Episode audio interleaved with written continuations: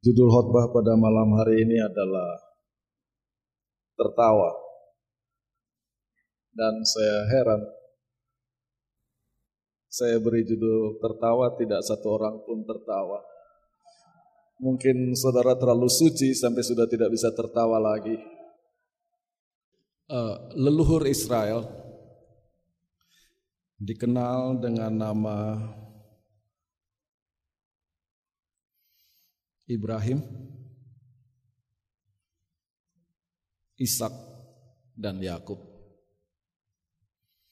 Ketika orang Israel diperhamba di Mesir dan Tuhan memperhatikan keluh kesah mereka, maka Keluaran 2 ayat 24 menuliskan Tuhan mendengar erangan mereka dan mengingat perjanjiannya dengan Ibrahim dengan Ishak dan dengan Yakub. Lalu Tuhan memanggil Musa dan ketika Tuhan memperkenalkan diri kepada Musa, ia memperkenalkan dirinya sebagai akulah Allah dari leluhurmu, Allah dari Ibrahim, Allah dari Ishak dan Allah dari Yakub. Keluaran 3 ayat 6. Demikianlah maka orang tahu leluhur Israel adalah Ibrahim, Ishak dan Yakub.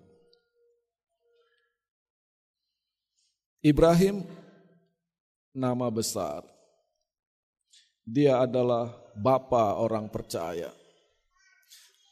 Ibrahim adalah sahabat Allah. Yakub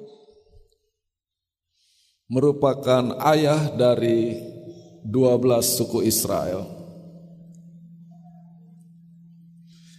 Dia mendapat penglihatan tentang tangga yang turun dari sorga. Dia bergumul melawan Allah. Ishak apa yang kita tahu dari Ishak? Sampai sepertinya nama Ishak tidak ada di dalam daftar ini pun tidak ada, tidak ada bedanya karena nama Ishak tidak sebesar Ibrahim dan tidak sebesar Yakub. Pada malam ini saya ingin mencoba untuk menunjukkan mengapa Ishak masuk dalam daftar leluhur Israel.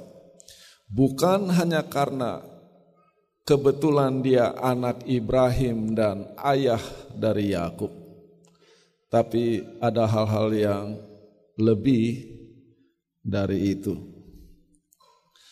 Nama Ishak sendiri artinya tertawa. Dari bahasa Ibrani yaitu Yitzhak. Dan kalau seseorang tertawa, ada banyak sebabnya. Warna dari tertawa itu berbagai macam. Yang pertama mungkin ekspresi kegembiraan atau kelegaan atau kemenangan, keberhasilan. Ketika kita menonton di televisi pertandingan sepak bola dan tim yang kita dukung menang, maka kita tertawa. Selesai ujian, kita lihat nama kita ada di dalam daftar mereka yang lulus, kita tertawa. Kemenangan keberhasilan. Tertawa juga mengekspresikan rasa syukur. Dan tertawa bisa merupakan respon kepada kejutan yang menyenangkan. Semua daftar yang saya sampaikan adalah tertawa dalam bentuk positif. Tetapi ada saatnya kita tertawa ketika mendengar sesuatu yang tidak mungkin, tidak bisa diharapkan.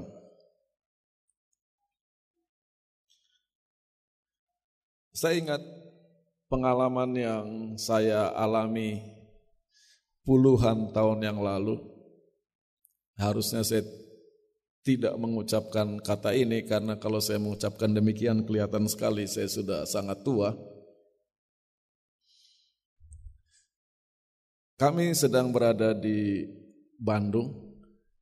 Lalu datanglah dari Amerika keluarga dari istri saya yang suaminya bukan orang Indonesia dan kami menikmati waktu bersama-sama sampai tiba waktunya mereka akan kembali ke Amerika. Lalu sebagai basa-basi orang Amerika, suaminya mengatakan kepada saya, kapan-kapan kalau ada waktu berkunjunglah ke Amerika. Waktu itu saya seorang pendeta muda dengan keluarga muda, hidup sangat susah. Untuk hidup saja susah, apalagi bicara tentang urus visa beli tiket ke Amerika. Maka mendengar undangannya, kapan-kapan kalau ada waktu, berkunjunglah ke Amerika, saya tertawa.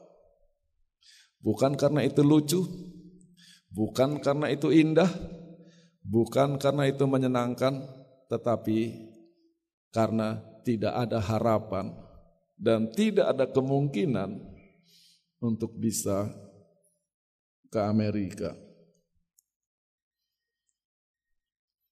Ketika seseorang tertawa, menyenangkan, tetapi aktivitas tertawa tidak hanya tertawa.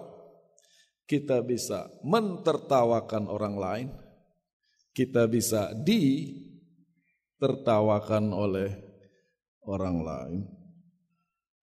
Dari ketiga hal ini mungkin yang paling menyenangkan adalah mentertawakan orang lain. Dan yang paling tidak menyenangkan adalah ditertawakan oleh orang lain. Jadi kapan-kapan kalau kita membaca Alkitab dan membaca cerita Ishak, tolong jangan baca namanya sebagai Ishak, tetapi baca sebagai tertawa. Karena itulah nama dari Ishak tertawa. Cerita Ishak sebagai tertawa dimulai di kejadian pasal 17 Dikatakan Ibrahim berusia 99 tahun. Dan Tuhan menampakkan diri kepadanya. Dan di ayat 4 dikatakan bahwa Tuhan mengikat perjanjian dengannya dan menjanjikan engkau akan menjadi bapa dari banyak bangsa. Namamu akan tidak lagi disebut Abram, tetapi namamu akan menjadi Abraham. Karena aku telah membuat engkau menjadi bapa dari banyak bangsa. Dan kita dengar kata-kata ini disampaikan kepada seorang yang berusia 99 tahun yang belum punya anak. Ibrahim masih sabar mendengar kata-kata itu. Tetapi di ayat 15 ketika Tuhan mengatakan kepadanya, Sarai istrimu jangan panggil dia lagi Sarai tetapi panggil dia Sarah. Karena aku akan memberkati dia dan engkau akan kuberi anak melalui dia. Aku akan memberkati dia. Dia akan menjadi ibu dari bangsa-bangsa. raja-raja dari bangsa-bangsa akan keluar darinya. Mendengar ini di ayat 17, maka Ibrahim tunduk dan tertawa. Itzahak. Jadi yang paling pertama mentertawakan Tuhan adalah Ibrahim. Dan ini bisa dibaca bahwa Ibrahim tunduk dan tertawa atau Ibrahim tertawa sampai tertunduk-tunduk. Artinya ini lucu sekali, mana hal tidak mungkin. Dia umur 99, istrinya umur 89 dan Tuhan berjanji istrinya akan hamil. Dia berkata, mungkinkah seorang anak bisa lahir dari seseorang yang berusia 100 tahun? Sedangkan Sarah yang umurnya 90 tahun bisa punya anak. Sambil tertawa Ibrahim mengatakan hal ini. Lalu Ibrahim coba menolong Tuhan. Tuhan, mungkin Ismail maksudnya anak saya. Dan Tuhan berkeras ayat 19. Tidak, Sarah istrimu Kenapa dikatakan Sarah, your wife? Karena Ibrahim sudah mulai cari-cari istri lain. Jadi Tuhan bilang bukan dari Hagar, bukan dari yang lain, Sarah, istrimu yang akan mengandung anakmu. Dan Tuhan katakan, kamu akan beri nama anak itu tertawa. Karena kamu mentertawakan saya.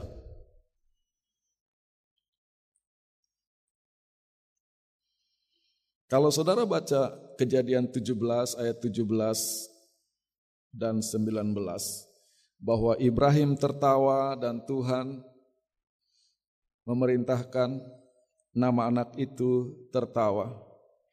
Kira-kira tertawa bagian mana yang merupakan ekspresi hati atau pikiran Ibrahim? Rasa syukur? Rasa lega? atau cerminan tidak ada harapan. Ketika Ibrahim tertawa, dia sedang mentertawakan dirinya yang tidak punya pengharapan.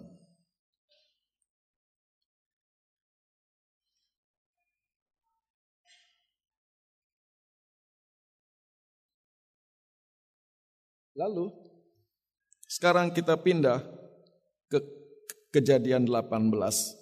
Kita tahu ceritanya dengan sangat baik. Ibrahim menjamu tamu yang dia tidak tahu ternyata adalah Tuhan. Dan di ayat 9, tamu-tamu itu berkata kepada Ibrahim, di mana Sarah istrimu? Ibrahim jawab, oh dia ada di tenda. Lalu Tuhan berkata, sesungguhnya pada waktu seperti ini tahun depan, lihat Sarah sudah gendong-gendong anak.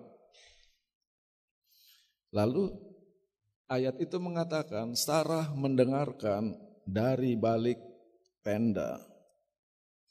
Dan Alkitab ambil waktu kembali untuk menerangkan ketidakmungkinan kejadian 18 ayat 11. Ibrahim dan Sarah Katanya apa? Tua sudah, koma, sangat lanjut umurnya. Penekanan kembali. Bahkan Sarah sudah lewat waktu untuk bisa hamil dan dan mengandung anak. Dan dengan segala latar belakang ini, apa yang terjadi?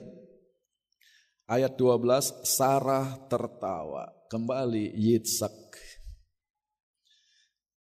Siapa yang ditertawakan? Dirinya sendiri. Sarah laughed to herself. Dan kata-kata Sarah ketika dia tertawa adalah bahasa orang dewasa.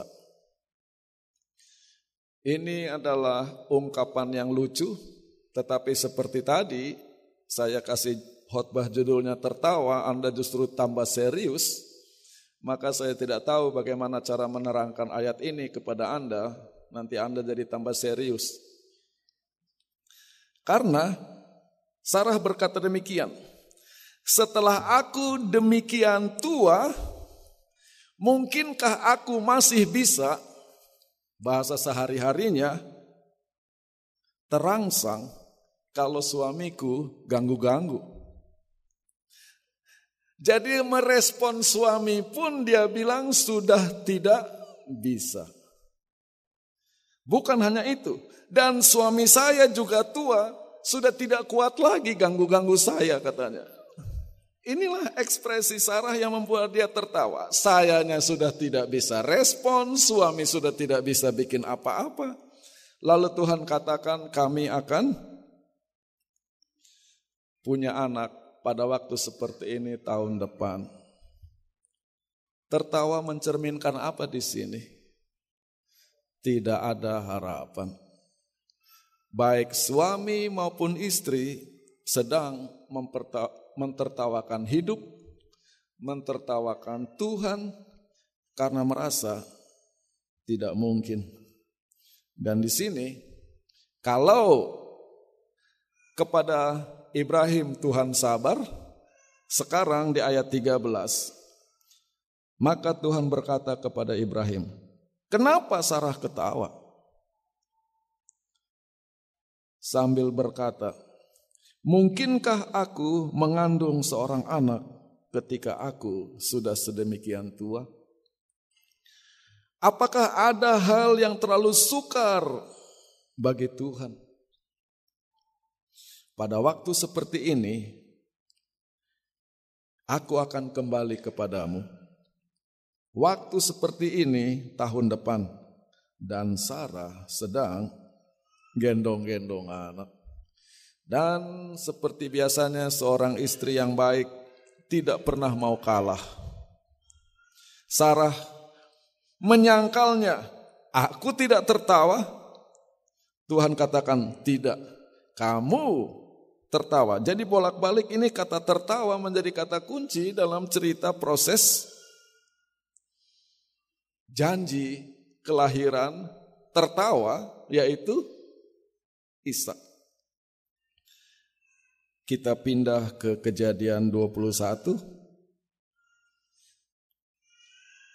Akhirnya Sarah mengandung dan melahirkan anak bagi Ibrahim di usianya yang sudah lanjut, di waktu yang telah ditentukan Tuhan ketika berbicara kepadanya. Dan Ibrahim menyebut nama dari anak yang lahir baginya, yang dilahirkan Sarah baginya menekankan ketidakmungkinan. Nama anak itu adalah tertawa Yitzhak. Dan sambil menyebut nama anak itu tertawa, Sarah sekarang tertawa lagi. Ayat 6 kejadian 21. Tuhan telah menyanggupkan aku tertawa katanya. Dan semua orang yang mendengar akan tertawa bersama-sama dengan aku. Tadinya dia mengatakan tidak mungkin.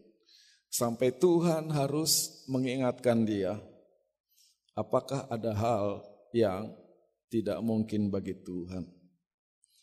Tetapi Tuhan tidak bisa dihalangi. Dan Tuhan telah membuat mereka tertawa mereka sudah menyerah, mereka tidak berani minta, mereka tidak berani percaya janji Tuhan karena sangat tidak mungkin, tetapi Tuhanlah yang berkeras untuk melakukan mujizat di dalam hidup mereka. Sampai sini ceritanya bagus. Ishak lahir, dia bertumbuh. Tetapi ketika kita datang di kejadian 22, tertawa yang diberi Tuhan itu sekarang hilang sama sekali. Karena di kejadian 22 ditulis, Setelah semua ini, maka Tuhan menguji Ibrahim dan berkata kepadanya, "Ibrahim," dan dia menjawab, "Di sinilah aku ya Tuhan." Kalau sudah perhatikan ayat ini, ketika Tuhan menyebut anak yang hendak dipersembahkan, Tuhan sebut tiga kali. baru disebut nama anaknya. Ambillah anakmu. Lalu dia bisa jawab, anak yang mana Tuhan? Karena dia waktu itu sudah punya dua anak. Jadi Tuhan ambil anakmu, dia tanya, anak yang mana Tuhan? Anak tunggalmu. Dia bisa jawab, masing-masing anak saya anak tunggal dari ibunya. Dia masih bisa menghindar. Anak yang kau kasihi semakin dekat. Ketika dia mau mengelak, Tuhan bilang, Ishak. Dan seketika itu juga, sementara Tuhan menyebut nama anak itu, tertawa, hilanglah tertawa dari mulut Ibrahim. Kenapa? Pergi ke tanah Moria, persembahkanlah anak itu di sana sebagai persembahan di salah satu gunung yang akan kutunjukkan kepadamu. Saudara mengerti Tuhan? Mereka tidak minta anak, Tuhan yang paksa-paksa. Sekarang mereka gembira punya anak, Tuhan yang mau minta. Dan ketika Ibrahim jalan, dan dia lihat tempat itu di kejauhan, kejadian 22 ayat 4. Dia melihatnya sebagai tempat kematian.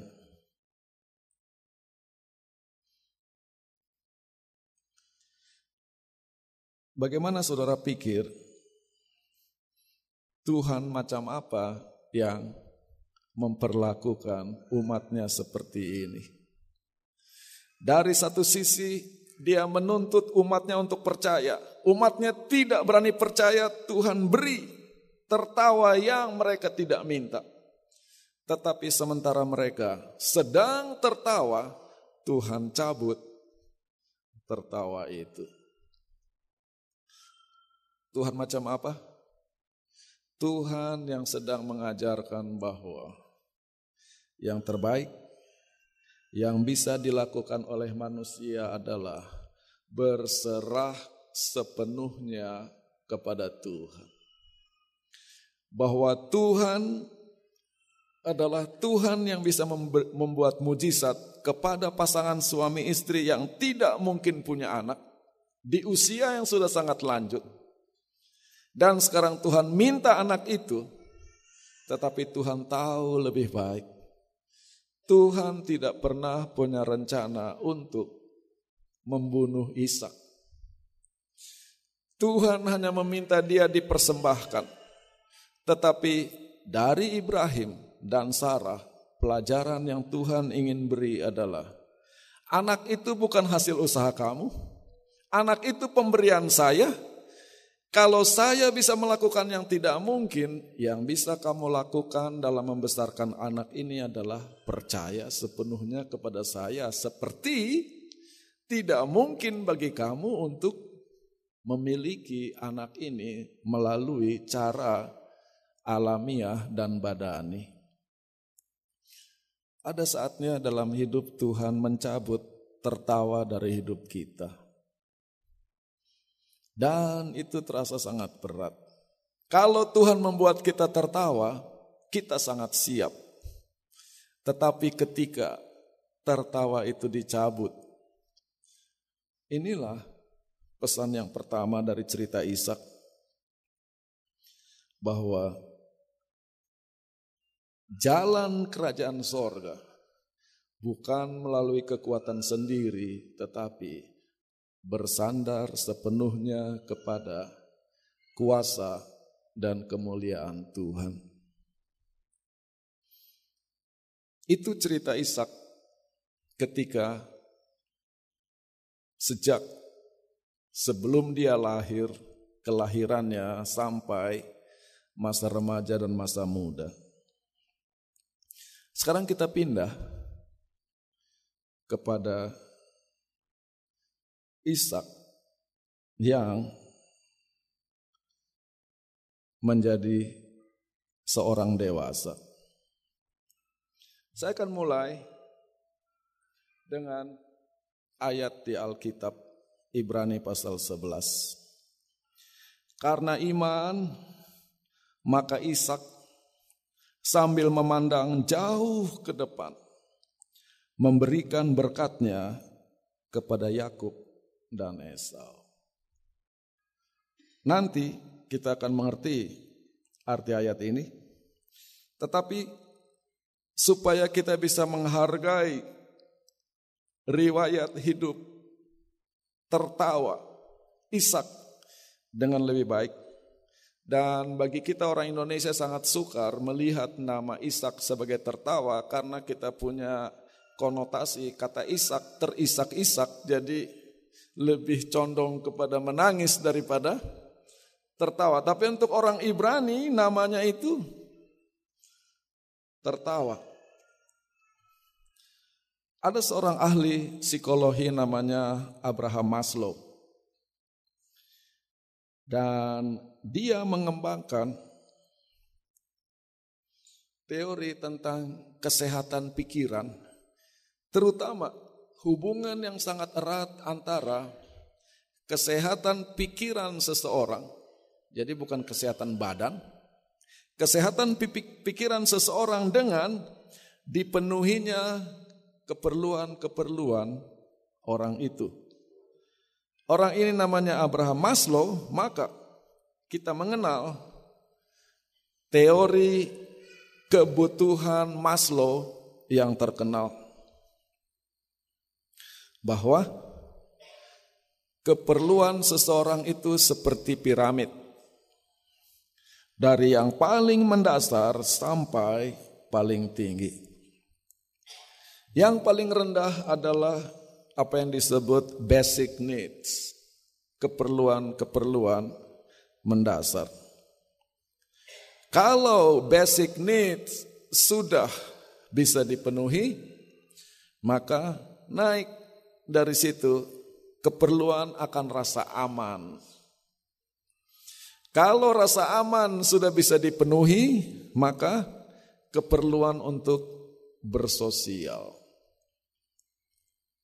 Dan ini sangat simple.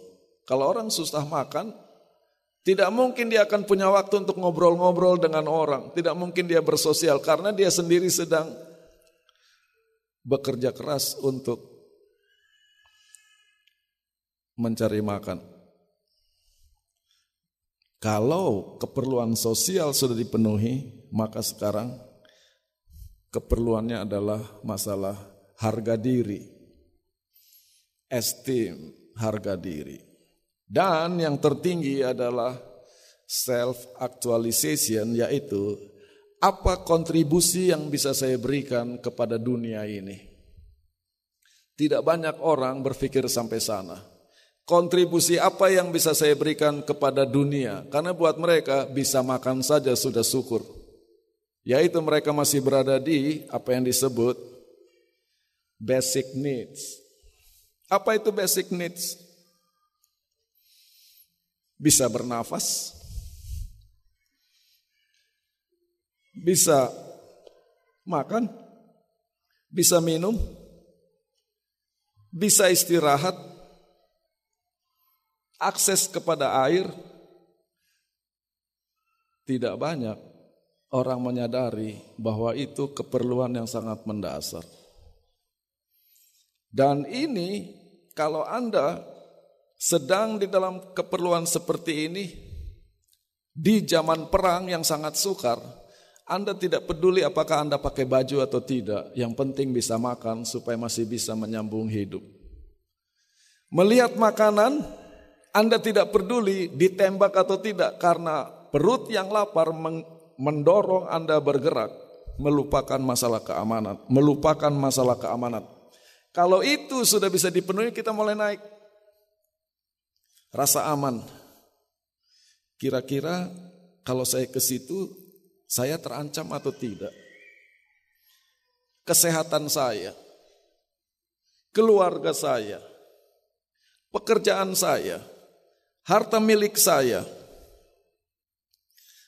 Setelah itu, kita memiliki keperluan untuk sosial. Punya teman atau tidak. Kalau orang susah makan, dia tidak peduli punya teman di Facebook atau tidak. Tapi kalau sudah makan cukup, sudah punya pekerjaan, sudah mulai Facebook jadi penting. Sosial need itulah sebenarnya disebut media. Sosial itu sudah keperluan yang tingkat tinggi.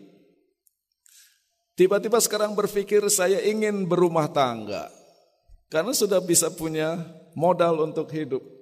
Saya ingin punya hubungan yang akrab dan seterusnya.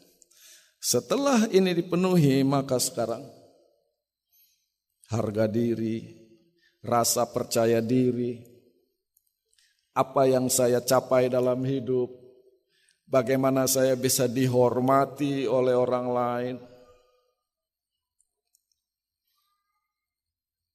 Sekarang Bicara tentang harga diri, ada satu hal yang sangat sensitif, yaitu sehubungan dengan masalah pintar dan bodoh. Yaitu, kita takut sekali kalau dianggap bodoh oleh orang lain. Kita mau dianggap pintar. Orang bodoh pun kepengen kelihatan pintar. Tetapi jauh lebih dari takut dianggap bodoh adalah ketakutan dibikin bodoh sama orang lain. Itu sakit hatinya luar biasa. Kalau saya bodoh, it's okay. Tetapi kalau dibodoh-bodohi oleh orang lain, diakali oleh orang lain, itu menyinggung harga diri yang luar biasa, self esteem, harga diri. Itulah sebabnya seseorang ditipu 100 rupiah, marahnya luar biasa. Bukan masalah uangnya, tetapi kamu anggap saya bodoh. Dengan latar belakang ini, coba lihat hidup Ishak Di kejadian 31 diceritakan hubungan antara Yakub dengan mertuanya yang mana adalah pamannya sendiri Laban sudah sangat tidak baik. Dan Yakub sudah tidak tahan ditipu terus oleh Laban masalah harga diri. Sampai-sampai Yakub berkata, kepada mertuanya. 20 tahun ini aku tinggal di rumahmu. Aku melayani engkau 14 tahun untuk kedua anak perempuanmu. Enam tahun untuk ternakku. Dan selama waktu itu engkau telah mengganti gajiku sepuluh kali. Lalu ini yang dia katakan, kejadian 31 ayat 42. Kalau saja Allah dari leluhurku, Allah dari Ibrahim, uniknya dia tidak katakan Allah dari Ishak. Saya akan pakai bahasa Inggris dulu the fear of Ishak. Yang mana bisa diterjemahkan sebagai yang ditakuti oleh Ishak. Tidak menyertai aku, sesungguhnya engkau akan mengirim aku pulang dengan tangan kosong. Ini adalah ungkapan yang unik dan hanya Yakub yang memanggil Tuhan dengan sebutan the fear of Isaac. Yang mana Alkitab bahasa Indonesia menerjemahkannya sebagai yang disegani oleh Ishak. Yang disegani oleh Ishak. Kenapa Yakub menyebut Tuhan sebagai yang disegani oleh Ishak? Atau mungkin apakah terjemahan ini yang disegani oleh Ishak adalah terjemahan yang baik dan tepat. Kita perlu lihat riwayat hidup Ishak. Konsentrasi saya sangat terganggu untuk berpikir oleh karena uh, keributan. Di kejadian 26, mulai 17 dikatakan bahwa Ishak tinggal di satu tempat yang namanya lembah Gerar. Dan apa yang dilakukan oleh Ishak? Dia menggali kembali sumur-sumur yang telah digali oleh ayahnya Ibrahim yang ditutup tanah lagi oleh orang-orang Filistin supaya tidak ada orang yang hidup di situ. Lalu setelah dia gali kembali sumur itu dan dia mulai gunakan airnya, maka datanglah penduduk Gerar yang mengatakan itu sumur kami punya. Jadi selama ini sumurnya ditutup mereka tidak bikin apa-apa. Ketika Ishak gali sumur itu mereka diamkan. Setelah sumurnya jadi mereka bilang sumurnya kami punya. Dan oleh karena itu Ishak pergi dari tempat itu. Dan di ayat 21 dikatakan, mereka gali sumur lain. Lalu direbut lagi sumur itu. Dia pindah lagi ke tempat lain. Dan kali ini dia tidak diusir. Kalau sudah bisa bayangkan, Ishak yang namanya tertawa. Ishak yang namanya tertawa Bagaimana sikap penduduk Gerar yang bisa mengusir dia dan dia tidak bisa melawan? Bagaimana ekspresi penduduk Gerar? Mentertawakan Ishak. Lihat, dia yang gali sumur, kita usir dia pergi, sumurnya kita pakai. Senang sekali mereka. Orang yang namanya tertawa sedang ditertawakan dan dianggap bodoh. Dia mengalah, dia pergi, dia gali, diusir lagi, dia menurut, tertawa lagi mereka. Kembali, Ishak yang namanya tertawa, sekarang bukan dia yang tertawa, dia sedang ditertawakan.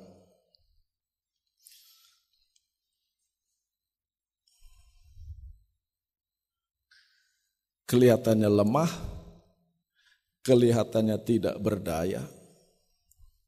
Dan itu adalah situasi yang sangat tidak menyenangkan.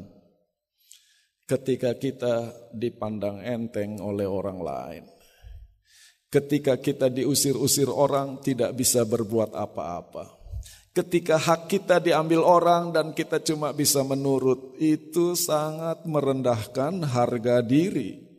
Dan ingat, Maslow Harga diri adalah salah satu kebutuhan penting manusia.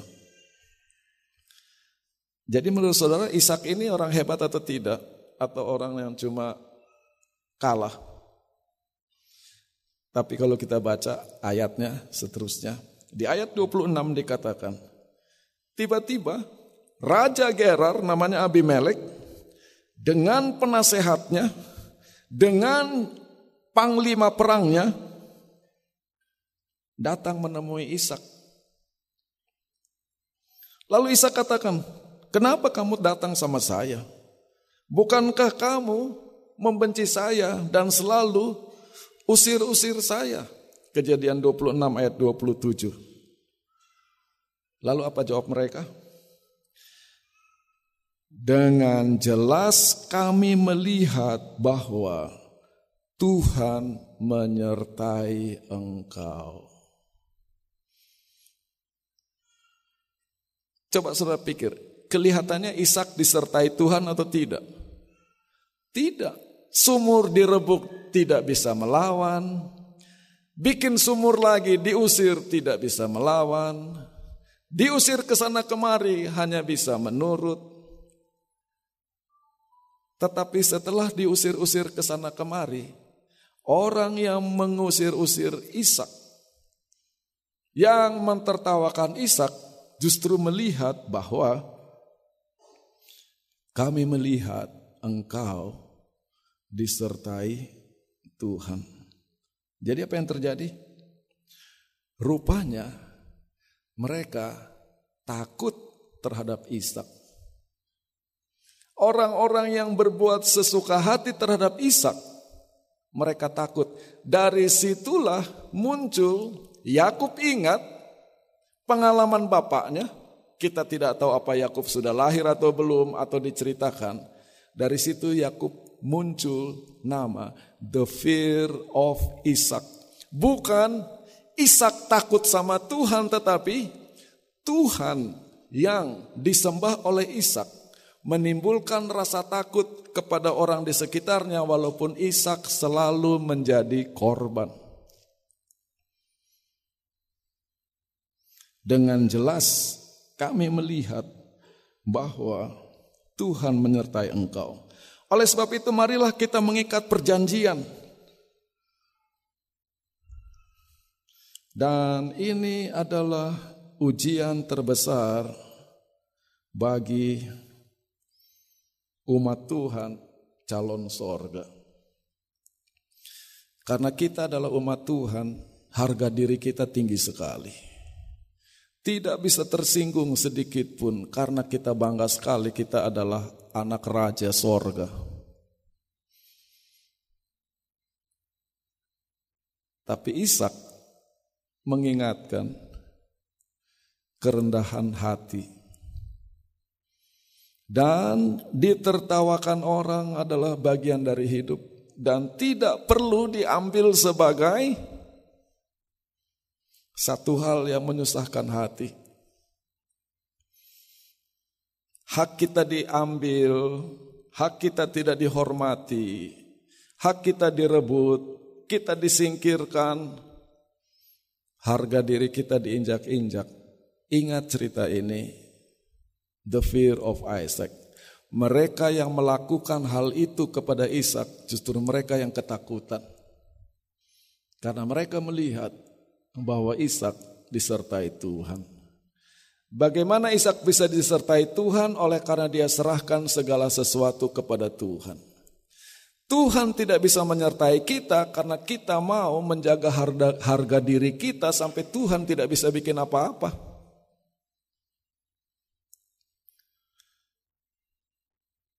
Itu hubungan Ishak dengan masyarakat di sekitarnya.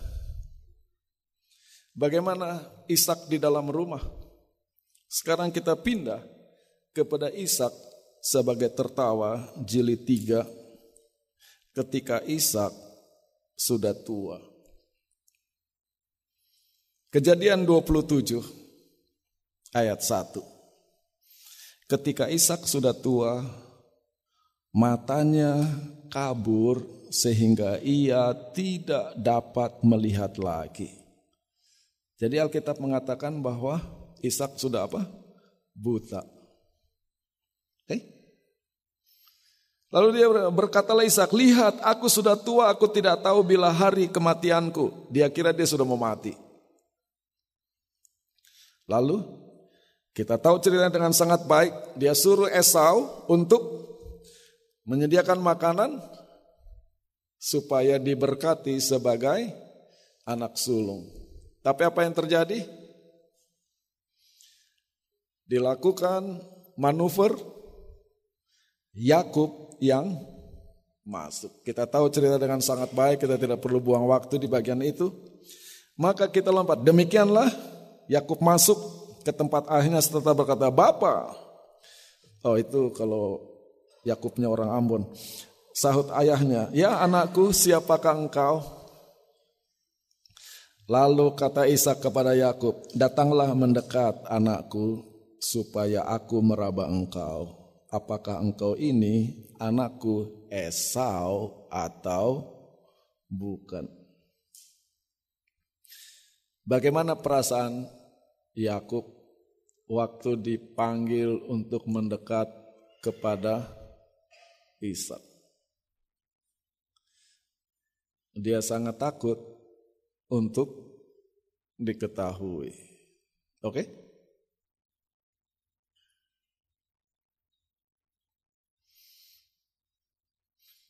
Lalu bukan cuma disuruh mendekat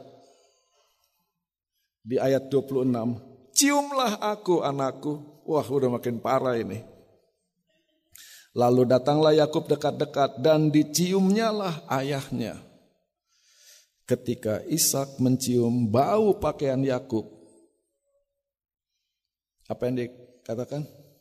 Diberkatinyalah dia. Katanya, bau anakku adalah sebagai bau padang yang diberkati Tuhan. Sadarkah saudara bahwa Ishak sedang menyindir Yakub? Kalau kita baca di kejadian 25, yang hidupnya di Padang, bukan Padang yang di Sumatera Barat, ini maksudnya eh, di daerah ter, alam terbuka, adalah Esau. Esau seorang yang pandai berburu, suka tinggal di padang. Dan apa yang terjadi? Esau mengenakan pakaian, uh, sorry, Ribkah menekan, menekan, uh, mengenakan pakaian Esau kepada Yakub dan disuruh Yakub pakai.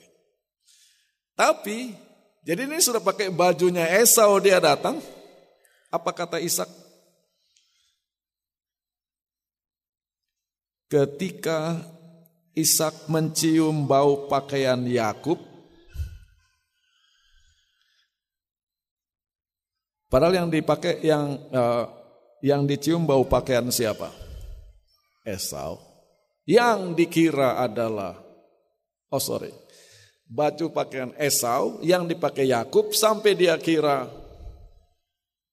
Esau sampai diberkati sesungguhnya bau anakku adalah bau padang yang diberkati Tuhan. Bagaimana perasaan Ribka dan Yakub melihat Esau memper, uh, memberkati Yakub? Ditertawakan. Kita berhasil. Trik kita berhasil mereka lihat dia tidak tahu. Sukses. Kembali dia yang namanya tertawa ditertawakan oleh istrinya sendiri dan anaknya sendiri. Bayangkan Anda sebagai kepala rumah tangga yang sangat dihormati dan berwibawa dibikin bodoh sama istri sendiri sama anak sendiri.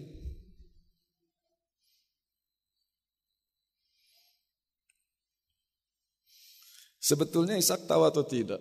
Jangan jawab. Sebetulnya Ishak tahu atau tidak? Cara kita mengetahui apakah Ishak tahu atau tidak bahwa anak itu Esau atau bukan, caranya sangat menarik. Kita lompat puluhan tahun sekarang, Yakub yang mencuri berkat, Yakub yang membodohi ayahnya dan mentertawakan ayahnya, sudah tua. Di Mesir, Yakub sudah mau mati. Kejadian 48. Lalu dia bilang, kumpulkan anak-anak saya, cucu-cucu, supaya saya berkati semua.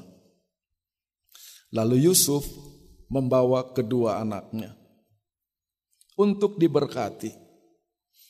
Dan kejadian 48 ayat 10 mengatakan, kondisi Yakub waktu memberkati anak-anaknya. Adapun mata Israel telah kabur karena tuanya, jadi ia tidak dapat lagi melihat. Soalnya apa yang terjadi di ayat ini? Tiba-tiba kejadian 27 ayat 1 dan kejadian 48 ayat 10 adalah saudara kembar. Kondisi yang dialami oleh Yakub persis seperti kondisi yang dialami oleh Ishak. Ishak sudah tua, matanya telah kabur sehingga ia tidak dapat melihat lagi. Adapun mata Yakub telah kabur karena tuanya, jadi ia tidak dapat lagi melihat. Tiga poin yang sama. Ishak di satu sisi, Yakub di sisi lain. Kembali kepada cerita Yakub, Yusuf menuntun kedua anaknya, lalu mau diberkati, Yusuf atur Efraim yang muda dapat tangan kiri, Manase yang tua dapat tangan kanan. Tiba-tiba Yakub yang sudah buta dan matanya kabur karena tuanya, dia silangkan tangannya katanya. Tangan kanan di atas Efraim, anak bungsu, tangan kiri di atas Manase, anak sulung. Ceritanya tambah seru. Ketika Yusuf melihat bahwa ayahnya meletakkan tangan kanannya di atas kepala Efraim, hal itu dipandangnya tidak baik, lalu dipegangnya tangan ayahnya untuk memindahkannya dari atas kepala Efraim ke atas kepala Manase. Jadi tangan kanan itu diangkat dikembalikan ke Janganlah demikian ayahku sebab inilah yang sulung, letakkanlah tangan kananmu di atas kepalanya. Dia kira bapaknya ini sudah buta, sudah tidak tahu apa-apa harus diatur. Tiba-tiba Yakub jawab apa? Aku tahu anakku, aku tahu.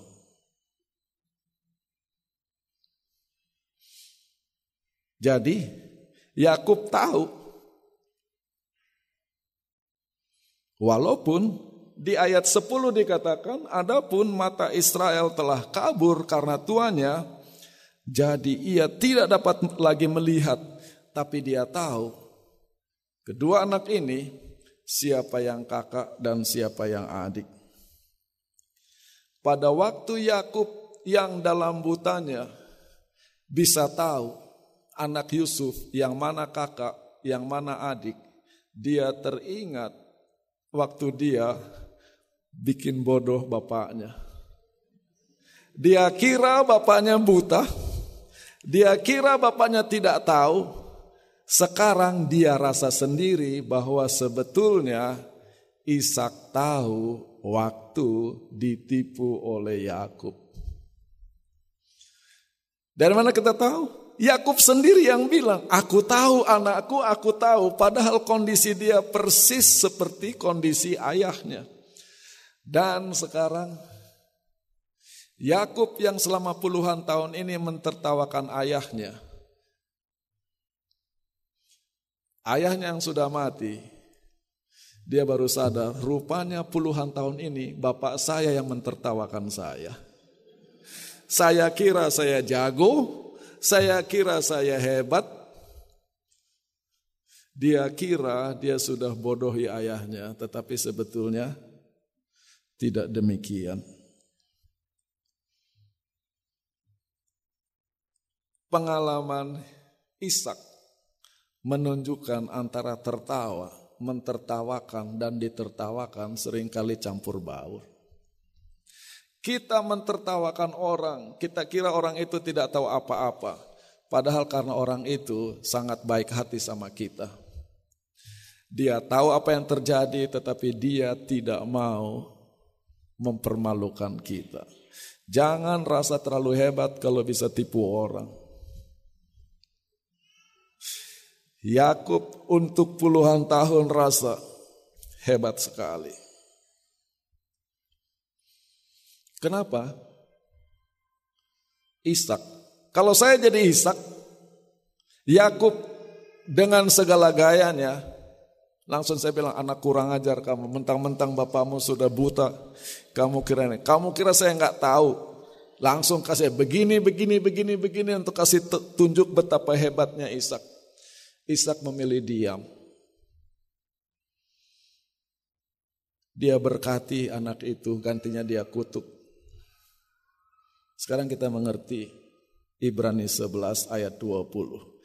Karena iman maka Ishak sambil memandang jauh ke depan memberikan berkatnya kepada Yakub dan Esau. Kenapa? dia memandang jauh ke depan. Kalau dia mengamuk, kalau dia marah-marah, dia kutuk Yakub.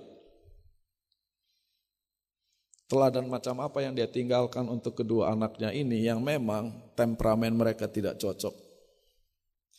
Cerita akhir hidup Ishak adalah salah satu cerita penguburan yang paling indah di Alkitab. Adapun umur Ishak 180 tahun. Saudara tahu apa artinya ayat ini? Saya tahu di sini banyak ahli Alkitab. Umur berapa Ibrahim mati? 175. Ishak yang dalam hidupnya cuma jadi korban ke sana kemari diusir-usir orang, ditipu anak, ditipu istri, kita kira kasihan sekali umurnya lebih panjang dari Ibrahim yang bapak orang percaya itu. Bukan hanya itu, waktu dia mati, apa yang terjadi? Esau dan Yakub, anak-anaknya itu menguburkan dia. Ini tidak ada di mana-mana, tetapi boleh jadi ketika Ishak memilih kedamaian daripada konfrontasi. Ketika kedua anaknya dewasa, mereka memilih untuk belajar berdamai, gantinya terus-terusan ribut oleh karena terinspirasi cara hidup ayah mereka. Yang begitu tenang, begitu mengalah, menjalani hidup, menghindari konflik, gantinya mempertahankan harga diri. Jadi tiga leluhur Israel, Ibrahim, Ishak, dan Yakub. Yang paling manusia di antara mereka adalah Ishak. Yang paling dekat pengalaman hidupnya dengan kita sehari-hari. Ditertawakan orang, ditipu orang, hak kita diinjak-injak, dianggap bodoh. Justru tidak semua orang bisa sehebat Ibrahim. Tidak semua orang bisa sehebat Yakub. Tetapi nama Ishak ada di tengah-tengah dan jadi penting karena di Israel kalau bisa jadi Ishak sudah itu hidup yang paling damai, hidup yang paling tenang. Di akhir hidupnya, dia yang tertawanya paling puas. Bukan karena dia suka mentertawakan orang. Hidupnya penuh ditertawakan orang. Tetapi dia memilih perdamaian.